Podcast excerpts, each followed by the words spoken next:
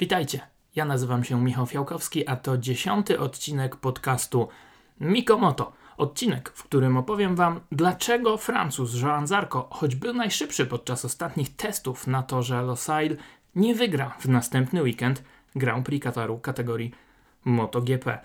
Może i ostro, ale takie są chyba w tej chwili fakty. Zanim jednak przejdziemy do podsumowania Grand Prix e, Kataru, a raczej testów przed Grand Prix Kataru, ostatnich przedsezonowych testów, najpierw na moment zmieniamy temat na bardzo ważny e, temat, bo dzisiaj oczywiście 8 marca, a więc drogie panie, wszystkiego najlepszego z okazji Dnia Kobiet, z okazji waszego święta, aby trwało ono E, cały rok. Dużo się ostatnio mówiło o kobietach e, w motorsporcie. Była ta dyskusja o e, dziewczynach z parasolkami w Formule 1. Ostatnio też zawodniczka z wyścigów samochodowych Carmen Jorda trochę narzekała, że kobiety nie są wystarczająco silne, żeby jeździć w F1, że może powinny w Formule E spróbować.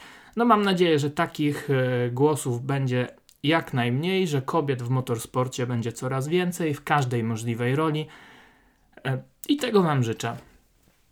A teraz przejdźmy do tego, co działo się na torze Losail. W miniony weekend odbyły się tam trzydniowe oficjalne e, testy, ostatnie trzydniowe przedsezonowe. E, testy 12 zawodników ostatecznie zmieściło się w jednej sekundzie, a nawet w 80 sekundy. Mieliśmy w czołowej dziesiątce cztery różne marki motocykli, więc naprawdę wygląda to bardzo, bardzo e, ciekawie, przynajmniej jeśli chodzi o te najlepsze czasy okrążeń.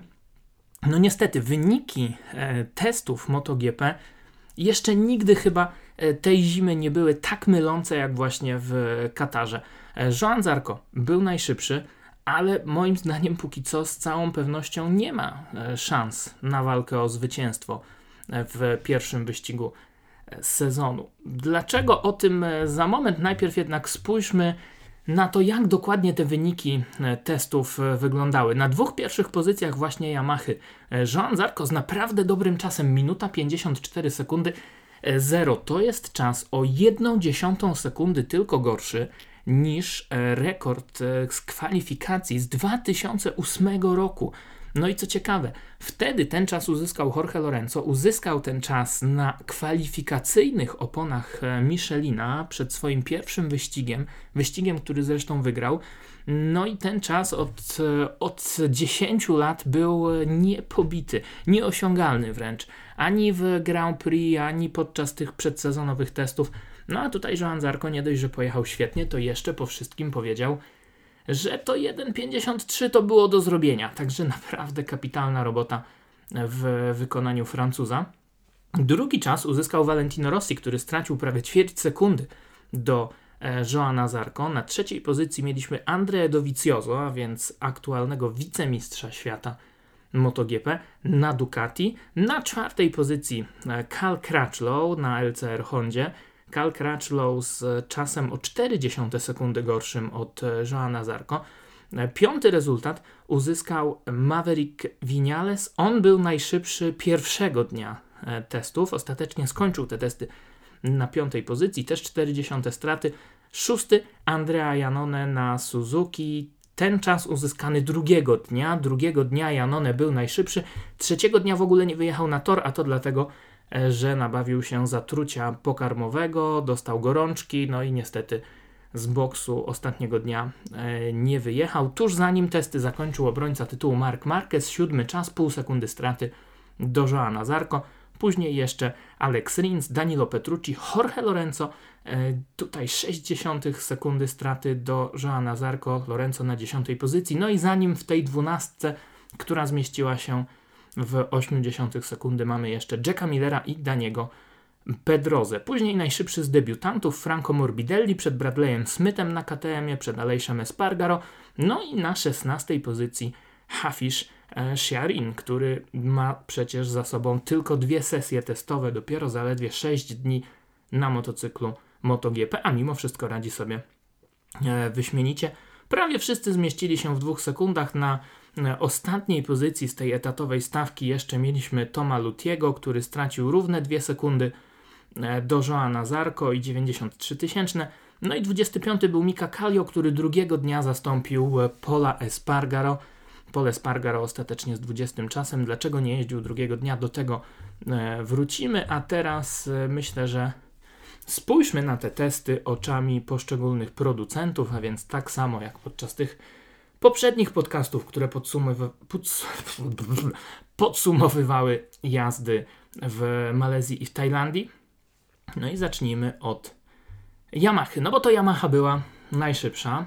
Dokładnie najszybszy był Jean Zarco, Francuz, dwukrotny mistrz świata e, Moto 2. Jak już mówiłem, ten czas 1.54.0 naprawdę e, imponujący.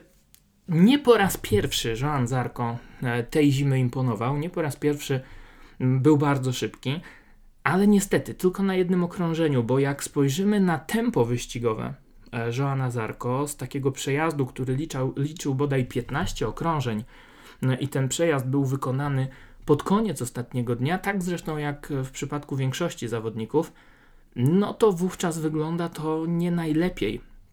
Tempo wyścigowe e, Joana Zarko utrzymywało się w przedziale minuty 56 sekund czyli teoretycznie o sekundę wolniej niż takie tempo, które pozwalałoby walczyć o e, zwycięstwo. Oczywiście w zeszłym roku, kiedy Maverick Vinales wygrał wyścig o Grand Prix Kataru, wtedy też jego tempo wynosiło takie średnie 56. No bardzo podobnie do Zarko. Tylko musimy pamiętać, że w zeszłym roku ten wyścig odbywał się po pierwsze dużo później, a po drugie po takiej lekkiej mrzawce i ta przyczepność też e, nie była najlepsza. Pamiętacie, był opóźniany ten wyścig w końcu wystartował chyba z półgodzinnym opóźnieniem, no i te warunki nie były najlepsze. Dwa lata temu tempo wyścigowe e, wynosiło właśnie 1,55, e, średnie 55, to było tempo zwycięzcy Jorge Lorenzo wtedy na e, Yamasze. No i takie też tempo miało wielu zawodników podczas tych testów w Katarze. No a Joan Zarco od tej czołówki o sekundę wolniejszy. No i tak jak mówiłem, nie po raz pierwszy, bo w Malezji mieliśmy dokładnie taką samą sytuację pod koniec e, stycznia, na przełomie stycznia i lutego właściwie. Wtedy też Joan Zarko był szybki na jednym kółku, ale to tempo wyścigowe było o około sekundę na okrążeniu wolniejsze. No cóż, gdyby e, ten wyścig odbywał się e, jutro, to myślę, że Jean Zarko nie stanąłby nawet na podium. Oczywiście musimy pamiętać o tym, że w zeszłym roku poradził sobie bardzo dobrze, prowadził przez ładnych kilka okrążeń, wtedy zaliczył wywrotkę w drugim zakręcie. W testach, po tych testach w sobotę tego ostatniego dnia teraz też mówił, że no już był trochę zmęczony po tych trzech dniach jazdy. Pewnie pojedzie trochę szybciej, ale czy to wystarczy, żeby walczyć o zwycięstwo? No chyba jeszcze e, nie teraz, chociaż oczywiście mam nadzieję, że będę musiał e, zjeść własne kapcie za tydzień z hakiem i że Joan Zarko coś tutaj e, wymyśli, że nas zaskoczy. Tym bardziej, że ważą się losy jego przyszłości, no bo zespół Tech 3, jak już wiemy, od jakiegoś czasu postanowił zakończyć współpracę z Yamahą. Teraz już wiemy, że ekipa RW Poncharal połączy siły z KTM-em. Wciąż nie wiadomo, kto dostanie te prywatne Yamahy, czy Zarko będzie chciał jeździć w innym teamie na prywatnej M1, czy jednak przejdzie właśnie do KTM, z którym jest od jakiegoś czasu e, łączony. Wiadomo natomiast, że Francuz pojedzie na ramię z sezonu 2016 w tym roku, a więc będzie dysponował takim samym podwoziem jak w zeszłym roku. I to by było na tyle, jeśli chodzi o e, Joana Zarko. Trochę zabawne było to, że on mówił po testach, że E, za każdym razem, jak przejeżdża przez ten drugi zakręt, to przypomina mu to, co stało się w e, zeszłym roku. No ciekawe, czy tym razem e, ta fantazja go nie poniesie. Oby nie. Valentino Rossi z drugim rezultatem w testach, w całych testach, ćwierć sekundy straty do Joana Zarko. Valentino Rossi trochę inna historia niż, niż Francuz. Bo tak, z jednej strony bardzo zadowolony z tego tempa kwalifikacyjnego, z tych szybkich przejazdów, takich e, właśnie e, dwóch, trzech okrążeń e, typowo pod kwalifikację. No, ten czas też bardzo dobry, niskie 54. Mm, tempo wyścigowe, no i tutaj pojawia się znak zapytania, bo Tempo wyścigowe Valentino Rossiego w średnich pięćdziesiątkach piątkach, czyli teoretycznie takie tempo, jakie powinno tutaj pozwalać na walkę o zwycięstwo w Grand Prix Kataru, ale symulacja Valentino Rossiego trwała tylko 10 okrążeń, czyli połowę dystansu e, Grand Prix Kataru. Później pojawiły się problemy z oponami, przede wszystkim z przodem, ale także trochę z tyłem. E, no i Valentino Rossi mówi, że ta przednia opona po prostu nie wytrzymuje dystansu e, całego wyścigu. Czy będą w stanie sobie z tym poradzić, czy też nie? No wiemy, że ten problem zużycia opon, przede wszystkim tej tylnej opony, to jest coś, co E, trapi Yamaha już od e, połowy poprzedniego sezonu, więc e, znów możemy mieć taką historię, że Valentino Rossi będzie bardzo konkurencyjny w pierwszej połowie wyścigu, a później gdzieś tam zacznie tracić pozycję. Chociaż ja podejrzewam, że tutaj mogła być jakaś zasłona dymna. Tyle się mówi o tych problemach, tyle się o tym pisze, że nie zdziwiłbym się, gdyby tutaj Valentino Rossi razem z zespołem zastosował taką właśnie zagrywkę. Zrobił symulację, 10 kółek, zjechał, no a później puścił dziennikarzom właśnie taką ściemę, że no tak, te opony się zużywają, jest problem, a za tydzień w niedzielę będzie ogień. Wcale by mnie to nie zdziwiło, no ale czas pokaże, czy rzeczywiście tak jest, bo póki co faktycznie przez całą zimę te problemy z oponami, z przyczepnością, no, no było widać, że to faktycznie wciąż Yamaha e, trapi. Ale może e, na moment spójrzmy na trochę bardziej pozytywną e, historię związaną z Yamahą, bo Valentino Rossi podczas rozmowy z dziennikarzami przyznał w Katarze, że raczej zostanie w MotoGP i to na dwa kolejne lata. Mówi, że co prawda się nie spieszy z tymi rozmowami, ale jest już bliski e, tego, żeby faktycznie ten kontrakt podpisać i może tak się faktycznie e, niedługo stać. E, dodał też Valentino Rossi, że w tym czasie, przez te dwa najbliższe lata, kiedy będzie startował, nie zamierza wystawiać własnego zespołu w MotoGP. Był zaskoczony tą sytuacją z Erwę Poncheralem, przyznał, że rozmawiali z Yamahą na ten temat, ale dopóki on będzie się ścigał, chce się skupić na właśnie swoich startach, a nie na wystawianiu teamu w kategorii MotoGP. Także ciekawe, do kogo trafią te Yamahy e, swoją drogą w przyszłym roku z, z Tech 3. Wygląda na to, że e, czeka nas tutaj warka Aspara i teamu Mark VDS, który podobno no, trochę już jest zmęczony współpracą z Hondą, z tym, że te motocykle e, satelickie nie są aż tak konkurencyjne. Po cichu też podobno Avintia tam liczy na te motocykle. No, Avintia ma duży budżet, ale też taką no może nie ma takiej renomy jak Aspar, jak Mark VDS, więc ciekawe, bardzo ciekawe, e, jak to się zakończy. Wróćmy jednak do fabrycznego teamu. E, Maverick Vinales też wysoko w tych testach, no ale znów zagubiony, brakowało mu przyczepności tyłu, na to się skarżył, chociaż w ostatnich 40 minutach tego ostatniego dnia Maverick Vinales powiedział, że zupełnie odmienili motocykl, że to tempo na jedno kółko było bardzo dobre, Motocykl świetnie się prowadził, świetnie się zachowywał, ale jednak tej symulacji wyścigu e, brakowało. No i to też może być trochę zasłona dymna. Bardzo ciekawe jest to, e, co powiedział Winiales o tych ostatnich 40 minutach, bo e, te testy w, w Katarze ostatni dzień kończył się o godzinie 20. No i właśnie w tym czasie wielu zawodników jeździło E, od 19 do 20 e, tę symulację wyścigu, a 19 to jest właśnie godzina, o której w tym roku odbędzie się wyścig o Grand Prix Kataru, więc to były te teoretycznie e, idealne warunki, te, teoretycznie takie same warunki, jakie będziemy mieli za tydzień podczas wyścigu. No i w tych warunkach też zdaniem Marka Marqueza z Repsol Hondy Yamaha spisuje się zdecydowanie lepiej, kiedy ta temperatura powoli spada, no jeszcze nie ma dramatu, ale e, już ta temperatura spada, jest wyraźnie chłodniej, nie ma tej przyczepności, jaka była e, kiedy zawodnicy zaczynali jeździć o godzinie 13, tam 15, 16, 17, dopiero o 18 lokalnego czasu e, zachodzi słońce i rzeczywiście robi się ciemno i wtedy ta przyczepność powoli, powoli spada. Jeszcze o tej 19 nie ma dramatu, tak jak to bywało kiedy jeździli zawodnicy do 22, do 23, e, wtedy pojawiała się ta wilgoć. Teraz tego teoretycznie nie ma, no ale jest ta przyczepność trochę niższa niż e, przed zachodem słońca. No i w tych warunkach, zdaniem też Marka Marqueza, Yamaha spisuje się zdecydowanie lepiej. Z kolei, według Jorge Lorenzo, wtedy też największe problemy ma Ducati.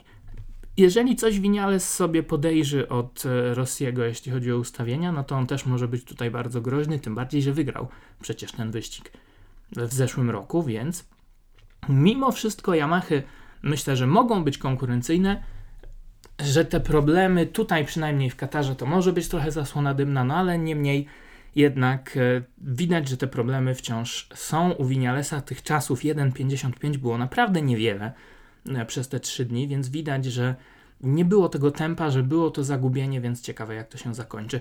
Na koniec jeszcze e, wątku Yamahy warto pochwalić tutaj Hafisza Shiarina, jak już mówiłem, 16 czas, sekunda i dwie dziesiąte tylko straty e, do Joana Zarko, no i za Shiarinem Abraham Bautista, Rabat, Pole Espargaro, Taka Nakagami, Redding Simeon i Tom Luty z tej etatowej stawki, także naprawdę Malezyjczyk tutaj pokazuje, e, że potrafi się na tej M1 ogarnąć.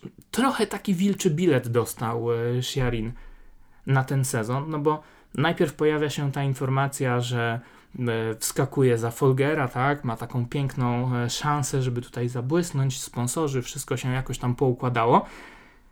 No a kilka tygodni, e, kilkanaście dni praktycznie później pojawia się ta informacja, że Tech 3 kończy współpracę z Yamahą, no i trudno będzie Sherinowi pozostać w zespole na kolejny sezon. Tutaj też będzie miał dużo do powiedzenia pewnie e, KTM. No myślę, że Red Bull zastąpi Monstera, może Red Bull będzie chciał Malezyjczyka w MotoGP, może to będzie dla nich ważne na, na ich rynkach, no ale tak czy inaczej Sharin musi po prostu zrobić wynik, bo e, jeżeli tego wyniku w tym roku nie zrobi, to może być tylko jednoroczna przygoda z królewską kategorią e, MotoGP. Zostawmy może e, już e, Yamaha, e, no bo i tak poświęciliśmy jej tutaj bardzo dużo czasu. Przejdźmy do kolejnych producentów Honda. Co prawda Mark Marquez trochę dalej w stawce niż nas do tego przyzwyczaił, bo siódma pozycja dla Marqueza, dwunasta dla Pedrozy, no ale Crutchlow wysoko na czwartym miejscu. I jak to wszystko czytać, moi drodzy? Bardzo dużo pracy w wykonaniu Marka Marqueza nad tempem wyścigowym. Nie było takich szarży jak w Tajlandii, kiedy to faktycznie pojechał jedno szybkie kółko drugiego dnia. Tutaj obrońca tytułu bardzo mocno skupiał się nad tym tempem wyścigowym. Testowali jeszcze ustawienia e, przodu motocykla, testowali e, ten silnik. Podkreślał Mark Marquez, że ten nowy silnik jest lepszy, jest mocniejszy, prędkość maksymalna jest wyższa. Nadal jest trochę problemów z przyspieszeniem. Te problemy są powodowane przez unoszenie się przedniego koła na wejściach z zakrętów, tak jak w zeszłym roku, ale Mark Marquez mówi, to jest do wyeliminowania do pewnego stopnia e, przy pomocy ustawień zawieszenia, ustawień ramy, więc może uda się to wyeliminować. Natomiast e, cały czas Marquez ma też problemy z uślizgami e, przedniego koła. Zaliczył jeden taki uślizg, kiedy to poszedł w tym szybkim prawym w ostatnim sektorze od wewnętrznego krawężnika do białej linii na zewnętrznej. Wyratował się z tego znów kolanem, znów łokciem. E, później sprawdzili w telemetrii 66 stopni kąt złożenia, więcej niż to, co miało miejsce w Walencji w ostatnim wyścigu sezonu w pierwszym zakręcie. Jechał wtedy e, Jack Miller, Australijczyk, za Markiem Marquezem i powiedział, że był kompletnie w szoku, że nie mógł uwierzyć w to, co E, zobaczył, ale dodał też, że to nie był jedyny uślizg, bo e, Jack Miller mówi: Jechałem za Marquezem z e, dwa okrążenia i przez te dwa okrążenia on z sześć razy łapał takie uślizgi przodu, kiedy powinien się przewrócić, a tego nie robił. No i Jack Miller zakończył. No tak, ja też mam takie problemy trochę z przodem, ale głupio mi tutaj narzekać, patrząc na to, co się dzieje z Markiem Marquezem. Więc z jednej strony wydaje się, że Honda po tych testach E, gotowa, przygotowana do sezonu, z dobrym tempem, z kom takim kompletnym pakietem, ale z drugiej strony są te problemy e, z przodem, są te problemy z unoszeniem też przedniego koła. Z drugiej strony wiemy też, że Katar to nie jest ulubiony tor e, dla tego motocykla, więc na to też trzeba brać poprawkę. No ale tak czy inaczej, myślę, że Marquez będzie konkurencyjny, myślę, że będzie walczył o podium. On też przejechał taką sekwencję E, około 10 okrążeń z tempem 1,55, więc wydaje się tutaj, że sytuacja jest w miarę pod kontrolą.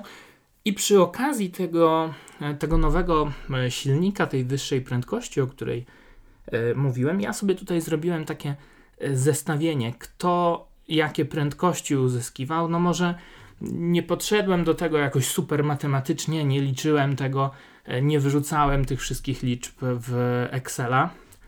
No ale tak na, na oko powiedzmy. E, wygląda to w ten sposób. E, oczywiście mamy długą, prostą, kilometr mniej więcej na torze Losail, więc można to w miarę obiektywnie ocenić.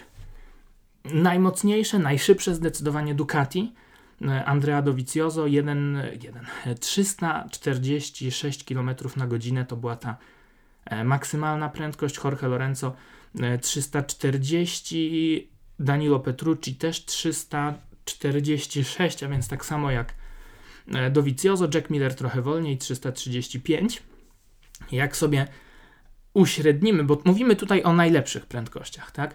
E, najszybsze kółko z trzeciego dnia z najwyższą prędkością. Dovizioso 346.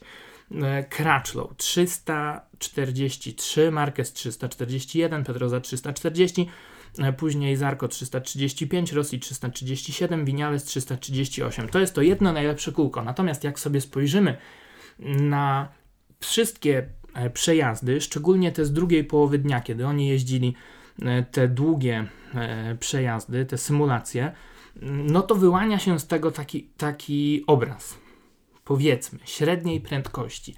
Ducati średnio powyżej 340 km na godzinę, Honda około 340 km na godzinę, minimalnie o 2-3 km na godzinę wolniej niż Ducati, ale zdecydowanie szybciej niż reszta. I tutaj się robi bardzo ciekawie, bo można sobie to uśrednić i wychodzi na to, że Yamaha, Suzuki, KTM i Aprilia mają bardzo podobną tą e, średnią prędkość, bo w, tutaj w przypadku tych czterech producentów wychodzi około 333 km na godzinę. Oczywiście, jak, tak jak mówię, jakby to wrzucić w Excela i uśrednić rzeczywiście tak fachowo, matematycznie, to może kilometr, dwie, e, kilometr dwa w jedną czy w drugą stronę u tych producentów tutaj by to wyglądało trochę inaczej, ale e, rzeczywiście te prędkości bardzo, bardzo e, podobne. No i tutaj trzeba pochwalić taki KTM i Aprilia. Aprilia przecież na tym starym silniku jeszcze cały czas, a mimo wszystko e, z prędkościami na poziomie Yamahy.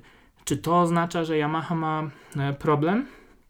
No trochę tak, bo 7 km na godzinę średnio straty do Hondy to już jest sporo, a przecież Massimo Meregali mówił mi w styczniu w Madrycie, że poprawili górę, poprawili dół w tym nowym silniku 1.1. No jakoś tego, szczerze mówiąc, e, nie widać. Mówię tu o tych średnich prędkościach e, celowo, no bo jak sobie spojrzycie na przejazd Alexa który był w ogóle bardzo imponujący, e, ten długi przejazd, dojdziemy do tego, no ale tam na tym najwyższym, na tym najszybszym okrążeniu pod względem prędkości maksymalnej, ta prędkość wyniosła 300 40 km na godzinę. Natomiast y, no, ta średnia prędkość wynosiła właśnie 332, 333, więc tutaj no, na jednym kółku może się za kimś złapał, może trochę lepiej wyszedł z tego zakrętu, złapał jakiś tunel aerodynamiczny i ta prędkość skoczyła, ale na pozostałych okrążeniach ona y, regularnie wynosiła 332, 333.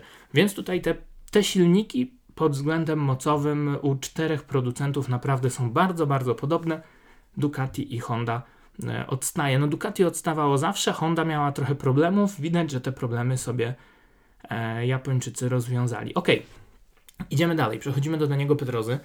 E, chociaż tu nie ma za dużo do, e, do powiedzenia. Dwie wywrotki pierwszego dnia, e, w tym ta druga w drugim zakręcie, po której trochę był poobijany hiszpański zawodnik, no i sam przyznał później, że to trochę też odbiło się na tych dwóch pozostałych dniach testów, no ale też Katar nigdy nie był dla niego jakimś mocnym torem. Bardzo dobre tempo z kolei miał Cal Crutchlow i na tym najszybszym kółku i pod względem tempa wyścigowego. Podkreślał, że cały czas pracowali nad przodem motocykla, ale mają trochę problemów z oponami. Są trzy mieszanki. Trzy mieszanki mieliśmy na testach, trzy mieszanki będą na wyścig. I Cal Crutchlow mówi tak, twarde są ok podczas e, hamowania, podczas ostrego hamowania, a tych ostrych hamowań jest sporo, ale są za miękkie w środku zakrętu.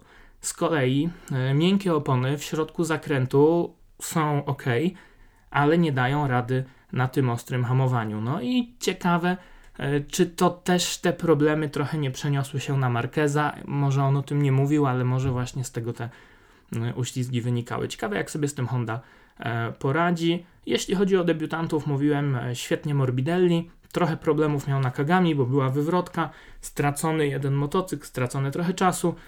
Z kolei Tom Lutti trochę zawodzi, jego mechanicy mówią, że trochę za dużą presję na siebie nakłada. No i rzeczywiście widać to e, po wynikach. Tak czy inaczej, jeżeli spojrzymy na Hondę całościowo, to cały czas moim zdaniem to jest chyba najlepszy pakiet w tej chwili w stawce MotoGP.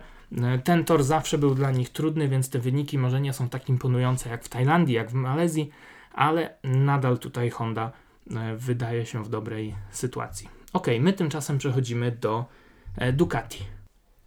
W Ducati trochę mieszane nastroje, bo Andrea Dovizioso z jednej strony szybko, równo, pewny siebie mówi, że w tym roku wreszcie są e, konkurencyjni od pierwszego wyścigu, zaczynają ten sezon pewnie, no i on rzeczywiście, czy wyjeżdżał na jednej ramie, czy na drugiej, czy ze skrzydełkami, czy bez skrzydełek, a dużo jeździli i Dovizioso i Lorenzo bez tych skrzydełek, cały czas e, bez problemów. Ten tor oczywiście leży Ducati dosyć e, mocno i zawsze tutaj Ducati sobie dobrze radziło, no ale mimo wszystko Dovizioso e, wydaje się bardzo, bardzo konkurencyjny, nie tylko w Katarze, także podczas poprzednich testów był wysoko. Zobaczymy, jak z tym jego wyścigowym tempem będzie. Ta jego symulacja też była dosyć krótka, no ale może tutaj nie chcieli odkrywać wszystkich kart. Tak czy inaczej, wydaje się, że będzie tutaj Andrea Dovizioso e, walczył o podium w następny weekend. Tego samego nie można powiedzieć o Jorge Lorenzo. Już mówiłem o tych jego problemach, jak spada temperatura, a przecież wyścig o godzinie 19, no już po zmroku oczywiście, E, może być tak, że Jorge Lorenzo będzie bardzo szybki w tych treningach e, porannych, bo te treningi będą się rozpoczynały już od, e, od 14 czasu lokalnego, a więc można powiedzieć w największy upał w, w Katarze. No i te warunki rano w tych pierwszych sesjach będą zupełnie inne niż podczas kwalifikacji, niż podczas wyścigu, które już będą po zmroku. No a Jorge Lorenzo mówi, jak jest chłodniej, jak jest trochę bardziej wilgotno, no to pojawiają się te problemy z przyczepnością. Ducati to wciąż nie jest mój motocykl, powiedział Hiszpan. I ciekawe, jak to się zakończy. Trudny weekend chyba przed nim, no ale nawet nie weekend, a e, trudny sezon. Zdecydowanie inaczej wygląda to, jeśli chodzi o Danilo Petrucciego. E, Danilo Petrucci zakończył testy na dziewiątej pozycji tuż przed Jorge Lorenzo, 300 sekundy tylko szybciej od niego na tym najszybszym e, kółku, ale mimo wszystko jego tempo wyścigowe, no to jest kosmos absolutny. E, Danilo Petrucci przejechał 20 okrążeń z rzędu, a więc dystans całego wyścigu utrzymywał równiuteńkie tempo 1,55, właśnie takie średnie. No i gdyby to był wyścig, walczyłby tutaj jak nic o E, zwycięstwo. E, co więcej, e, Petrucci zrobił to na miękkich oponach z przodu i z tyłu, a to pokazuje, że naprawdę Ducati jest tutaj mocne na tym torze, że te opony wytrzymują. Śmieszna historia, bo Petrucci powiedział, że to pierwsza symulacja w ogóle, jaką w życiu przejechał podczas zimowych testów, no bo zawsze tak, albo wyjeżdżał i się przewracał, albo mu się psuł motocykl, więc E, to dosyć zabawne. Jedno nie będzie do śmiechu e, Petrucciemu. On już wie, że to jest jego ostatni sezon w Pramaku, już mu to zespół powiedział, już wiemy, że przychodzi e, w jego miejsce Peko Baniaja w przyszłym roku z kategorii Moto2, no i Petrucci musi po prostu do czerwca przynajmniej stawać na podium. No jakby wygrał wyścig, to byłoby kapitalnie. On ma taką klauzulę w kontrakcie, że jeżeli będą wyniki, może liczyć na angaż do fabrycznego zespołu. Jak e, do tego nie dojdzie, no to musi szukać dla siebie nowego pracodawcy. Już mówiłem o tym, że tutaj moim zdaniem idealnie jakby trafił, nie wiem, do Suzuki, może do Aprilii za Scotta Reddinga, no ale Aprilia jest zdecydowanie mniej konkurencyjna. E, także jest presja nad e, Petrucim, a on z tą presją różnie sobie radzi, więc zobaczymy jak to będzie wyglądało w Katarze. Ma tutaj szansę przynajmniej na podium oby jej nie zmarnował jakimś niepotrzebnym błędem. Jack Miller, co prawda na najszybszym kółku lepiej niż, e, no nie, nie, przepraszam, tuż za Petrucci, Petrucci 9, Lorenzo 10, Miller 11, ale tam po, poprzednie dni chyba był szybszy niż, niż Petrucci. Natomiast to tempo wyścigowe, tak jak już mówiłem, już tutaj zdecydowanie 1,56, zdecydowanie słabiej, więc mm, no, trudno powiedzieć, czego się spodziewać po Jacku Millerze. On się świetnie na tym motocyklu odnajduje, ale tutaj chyba miał trochę więcej problemów e, na tym akurat e, torze. Chłopaki z Avinti, Tito Rabat i Xavier Simeon trochę mniej imponująco tym razem, bo Tito Rabat dopiero 19, Xavier Simeon 23, ale obaj dosyć zadowoleni, mówili, że mają niezłe tempo. E, Xavier Simeon właśnie takie tempo 1,56, a więc niewiele gorsze od tempa Joana Zarko. Z kolei pewności siebie trochę brakuje też i Bautiście i Abrahamowi, którzy te testy zakończyli na 18 i 17 odpowiednio e, miejscu. Swoją drogą Karel Abraham szuka kamerzysty bynajmniej nie na wesele ze swoją e, dziewczyną, ale na, e, na pełen etat, można powiedzieć. To jest w ogóle mega historia, e, bo Kal, e, Kal, e, Karel Abraham postanowił zostać e, vlogerem. Bardzo mocno te jego vlogi pachną takim klimatem Juna Olsona, narciarza, którego na YouTubie śledzi milion osób i który robi naprawdę fajne vlogi. E, Karel Abraham postanowił zrobić coś podobnego, może to już takie przygotowania do wyścigowej emerytury. E, zatrudnił kamerzystę, no ale coś tam się nie dogadali i po, nie wiem, 9-10 vlogach e, ta posada znów jest otwarta. I co jest w tym takiego fajnego? Bo co prawda nie dostajecie wynagrodzenia, nie dostajecie wypłaty, ale macie przez cały rok opłacone wszystkie możliwe koszty E, życia, zakwaterowania i podróżowania. Jeździcie na wszystkie rundy MotoGP, jeździcie po świecie na jakieś inne rzeczy. No i jedyne co musicie robić, jedyne powiedzmy, e, to e, kręcenie fajnych vlogów, kręcenie tego, co porabia Karel Abraham, montowanie tego i wrzucanie na YouTube. Dostajecie cały sprzęt, komputery, kamery, drony, więc petarda absolutna. Jeżeli ktoś jest e, młody, nie wiem, nie ma żony, dzieci, kredytu i nic go tutaj w Polsce e, nie trzyma, a potrafi kręcić e, i montować fajne klipy wideo, to naprawdę jest to kapitalna, kapitalna okazja. Zobaczcie sobie do Karela Abrahama na Facebooku. Tam to ogłoszenie cały czas się znajduje. No ja jestem i za stary, i za słaby w te klocki, no ale pomarzyć zawsze można. Anyway, e, idziemy dalej. Przechodzimy do Suzuki. I tutaj ciekawostka, bo okazuje się, że e, Suzuki ponownie odzyskuje te koncesje, które stracili w zeszłym roku. Przypomnijmy, e, Winiales wygrał wyścig w 2016 roku, były tam też podia, e, więc tych punktów koncesyjnych Suzuki nazbierało tyle, że w zeszłym roku nie mogło w trakcie sezonu modyfikować silnika. Nie było tych wyników w zeszłym roku, więc te koncesje e, Suzuki znów odzyskuje. No i mogą ten silnik zmieniać, mogą tych silników zużyć dwa więcej, mogą testować. No i to może sprawić, że e, tutaj zdecydowanie będą szybko gonić e, czołówkę. No już tę czołówkę dogonili, bo Alex Rins regularnie utrzymuje się w pierwszej piątce. Przez całe te zimowe testy miał bardzo dobrą symulację wyścigu właśnie w takim przedziale 1,55. Szybkie, równe tempo, moim zdaniem spokojnie na, na taką pierwszą piątkę Alex Rins może e, w Katarze liczyć i chyba w ogóle w, w tym sezonie, więc ciekawe jak sobie Suzuki będzie radziło, ciekawe czy sobie poradzą z tymi wolnymi zakrętami, to ich ponoć jeszcze e, cały czas spowalnia. No wielkim znakiem zapytania jest Andrea Janone, bo nie jest tajemnicą, e, że on bardzo lubi ten tor w, w Katarze, zawsze był tutaj szybki, Pamiętacie te piękne pojedynki z e, Marquezem w kategorii Moto 2? Co prawda, przegrany ten wyścig to chyba było w 2010 roku. No, w każdym razie piękna walka wtedy e, z Marquezem do ostatnich metrów. Marquez go tam objechał na ostatnich metrach, sprytnie ten ostatni zakręt przejechał. E, ale tak czy inaczej, Janone zawsze później w MotoGP też był w Katarze szybki. No i był najszybszy drugiego dnia teraz tych testów. Trzeciego dnia problemy zdrowotne No ale mimo wszystko w wyścigu też nas tutaj może zaskoczyć. On miał mocną końcówkę poprzedniego sezonu. Jak będzie miał to wszystko poukładane w głowie, jak mu nie zabraknie gdzieś tam motywacji, to może sprawić nam niespodziankę. Dosyć krótko o Suzuki. Na koniec jeszcze może tylko dodam, że Davide Brivio przyznał, że e, zaczynają już poważnie zastanawiać się nad prywatnym zespołem. No i kto wie, może, może, nie wiem czy już w przyszłym roku, ale może rzeczywiście z kimś się dogadają. Podobno rozmawiają właśnie z Mark VDS, no ale Michel Bartolemi chyba jednak wolałby te jamaszki, więc ciekawe jak to się wszystko zakończy.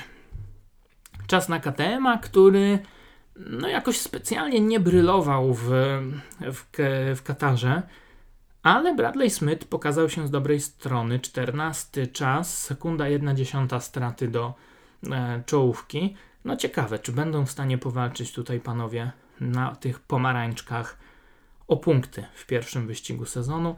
E, Pole Spargaro niestety daleko 20 nie jeździł przez jeden dzień. On wrócił na motocykl po dwóch tygodniach od operacji. Przypomnijmy, przewrócił się w czwartym zakręcie w lutym podczas testów w Malezji na torze Sepang.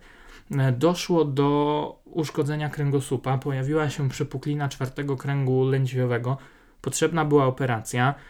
Paul nie pojechał do Tajlandii, przeszedł wtedy operację i po takiej operacji podobno kilka tygodni się do siebie E, dochodzi, nie można się przemęczać, nie można tego kręgosłupa e, obciążać, a Paul mimo wszystko wskoczył na motocykl już po e, tych właśnie dwóch tygodniach, jeździł pierwszego dnia, pod koniec tego pierwszego dnia powiedział, że jednak rzeczywiście duży ból, duże osłabienie, zrobił sobie dzień przerwy, wyglądało to trochę kiepsko, ale trzeciego dnia wrócił na motocykl i znów sobie trochę pojeździł, także teraz jeszcze ma te dwa tygodnie dodatkowe na odpoczynek, tej jazdy podczas weekendu Grand Prix też jest dużo mniej niż e, podczas takich testów, więc powinien sobie z tym weekendem wyścigowym e, poradzić. Ciekawe z jakim rezultatem.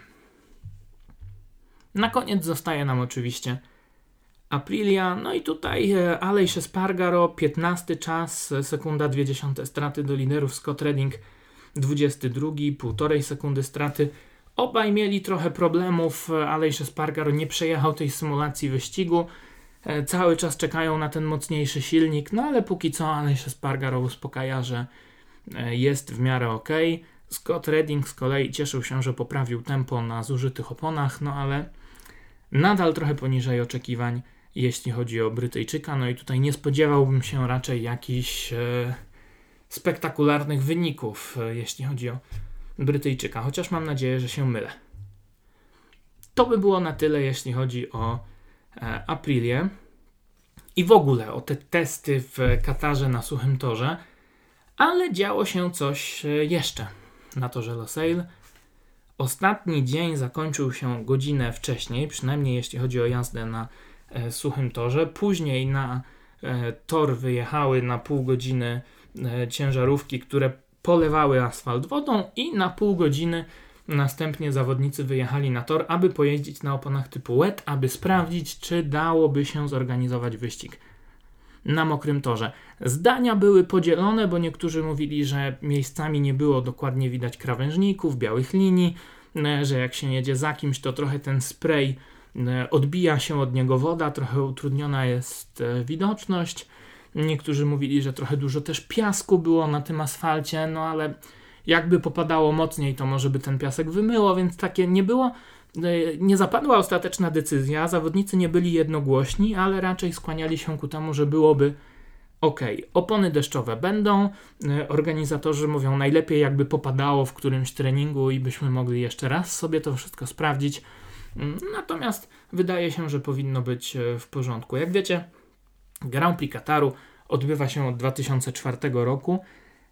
Wtedy jednak zawodnicy się skarżyli, że jest za gorąco. W 2008 powstało to sztuczne oświetlenie i od tego czasu wyścigi odbywają się w nocy. No ale już drugi sezon pokazał, e, że mogą być problemy. Mimo, że w Katarze i na Bliskim Wschodzie w ogóle pada raptem kilka dni w roku, no to popadało wtedy e, w dzień wyścigu. Trzeba było wyścig MotoGP przenieść na poniedziałek, ponieważ od mokrego asfaltu odbijały się te światła, to, to całe oświetlenie, widoczność była utrudniona. Później to testowano, sprawdzano, no i teraz doszli e, organizatorzy do wniosku, że można by spróbować taki wyścig e, w deszczu też e, zorganizować. No wszystko przez to, że w zeszłym roku mieliśmy te cyrki, kiedy popadało, pokropiło, trzeba było wyścig o jakieś pół godziny opóźnić. Oby bez takich cyrków w tym roku, chociaż też to, że mamy te wyścigi dużo wcześniej w tym roku, oznacza, że będzie czas, aby nawet w takiej sytuacji ten wyścig spokojnie, z opóźnieniem e, zorganizować. Przypomnijmy, wyścig e, MotoGP za tydzień w niedzielę o godzinie 19 czasu lokalnego, czyli to jest 17 w Polsce. Będziemy mieli z kolei o 15.20 wyścig Moto 2 i już o 14 wyścig Moto 3. I ten wyścig jeszcze przed zachodem słońca będzie się odbywał, więc a raczej przy zachodzącym słońcu, myślę, e, więc może to wyglądać naprawdę spektakularnie. Z kolei treningi wolne e, w piątek i w sobotę już właśnie od południa, już od 11 polskiego, przepraszam, czasu, więc też e, tutaj będzie to wszystko ładnie wyglądało, zachodzące słońce, no ale też zupełnie inne warunki, więc może być naprawdę bardzo, bardzo ciekawie podczas Grand Prix Kataru. Na koniec jeszcze kilka słów o, o oponach ponieważ dużo ciekawostek usłyszeliśmy od Piero Taramaso, od nowego szefa Michelina, który wyjaśniał dziennikarzom w Katarze, że w tym sezonie nie będą się zmieniały ani konstrukcje, ani profile, ani mieszanki opon e, Michelina. To wszystko będzie takie same przez cały rok. E, Francuzi przygotowali około siedmiu konstrukcji E, sied, przepraszam, 7 mieszanek e, przednich opon, 11-12 mniej więcej e, tylnych. I z tej puli będą zawsze wybierane trzy opony na przód, trzy opony na tył. Oczywiście czasami to będą opony asymetryczne, no ale te mieszanki mamy wybrane, profile, konstrukcje też się nie będą zmieniały. Nie będzie można w trakcie sezonu wprowadzić jakiejś nowej opony. Jeżeli takie opony nawet będą testowane podczas tych e, oficjalnych testów e, po wyścigach, to też e, tylko z myślą o przyszłym roku. Więc może ten rozwój opon trochę zostanie spowolniony, ale za to nie będzie takich cyrków, że nagle w trakcie sezonu zmieniają się opony i to wszystko zmienia sytuację w stawce, ktoś nie może sobie później dopasować motocykla do tych nowych opon i tak dalej, i tak dalej. Tak było trochę z Yamahą przecież e, rok temu. No i to jest dobra moim zdaniem e, decyzja. Będziemy mieli, jak już mówiłem, trzy mieszanki na wyścig medium, e, soft, medium i hard. Te opony jakby o stopień bardziej miękkie niż w zeszłym roku, więc ta, która była, ta, która jest twardą mieszanką w tym sezonie, w zeszłym roku była pośrednią. Zobaczymy, co z tego wszystkiego wyjdzie. Oby tylko o tych oponach za dużo się w tym sezonie nie mówiło przede wszystkim w tym e, negatywnym kontekście. No i co? Został tydzień do Grand Prix Kataru. Za tydzień dokładnie o tej porze będziemy się już szykować do oficjalnej konferencji e, prasowej przed wyścigiem. Dzisiaj jeszcze e, trwa ostatni, trzeci i ostatni dzień oficjalnych testów Moto 2 i Moto 3 w Hiszpanii, w Jerez de la Frontera. E, tam zmienne warunki, też trudno może trochę czytać tą sytuację w stawce tych mniejszych kategorii. Może zajmiemy się tym e, w, za tydzień w kolejnym odcinku podcastu e, Miko Moto. Tak czy inaczej, sezon 2018 we wszystkich trzech kategoriach Moto 3, Moto 2 i oczywiście przede wszystkim MotoGP zapowiada się bardzo, bardzo E, spektakularnie. Raz jeszcze dziękuję, że jesteście ze mną, e, że słuchacie tych podcastów, e, że komentujecie w mediach społecznościowych. Raz jeszcze wszystkim paniom życzę wszystkiego najlepszego z okazji Dnia Kobiet.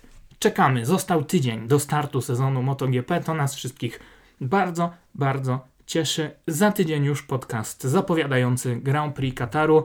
A teraz dzięki za uwagę. Do usłyszenia. Cześć.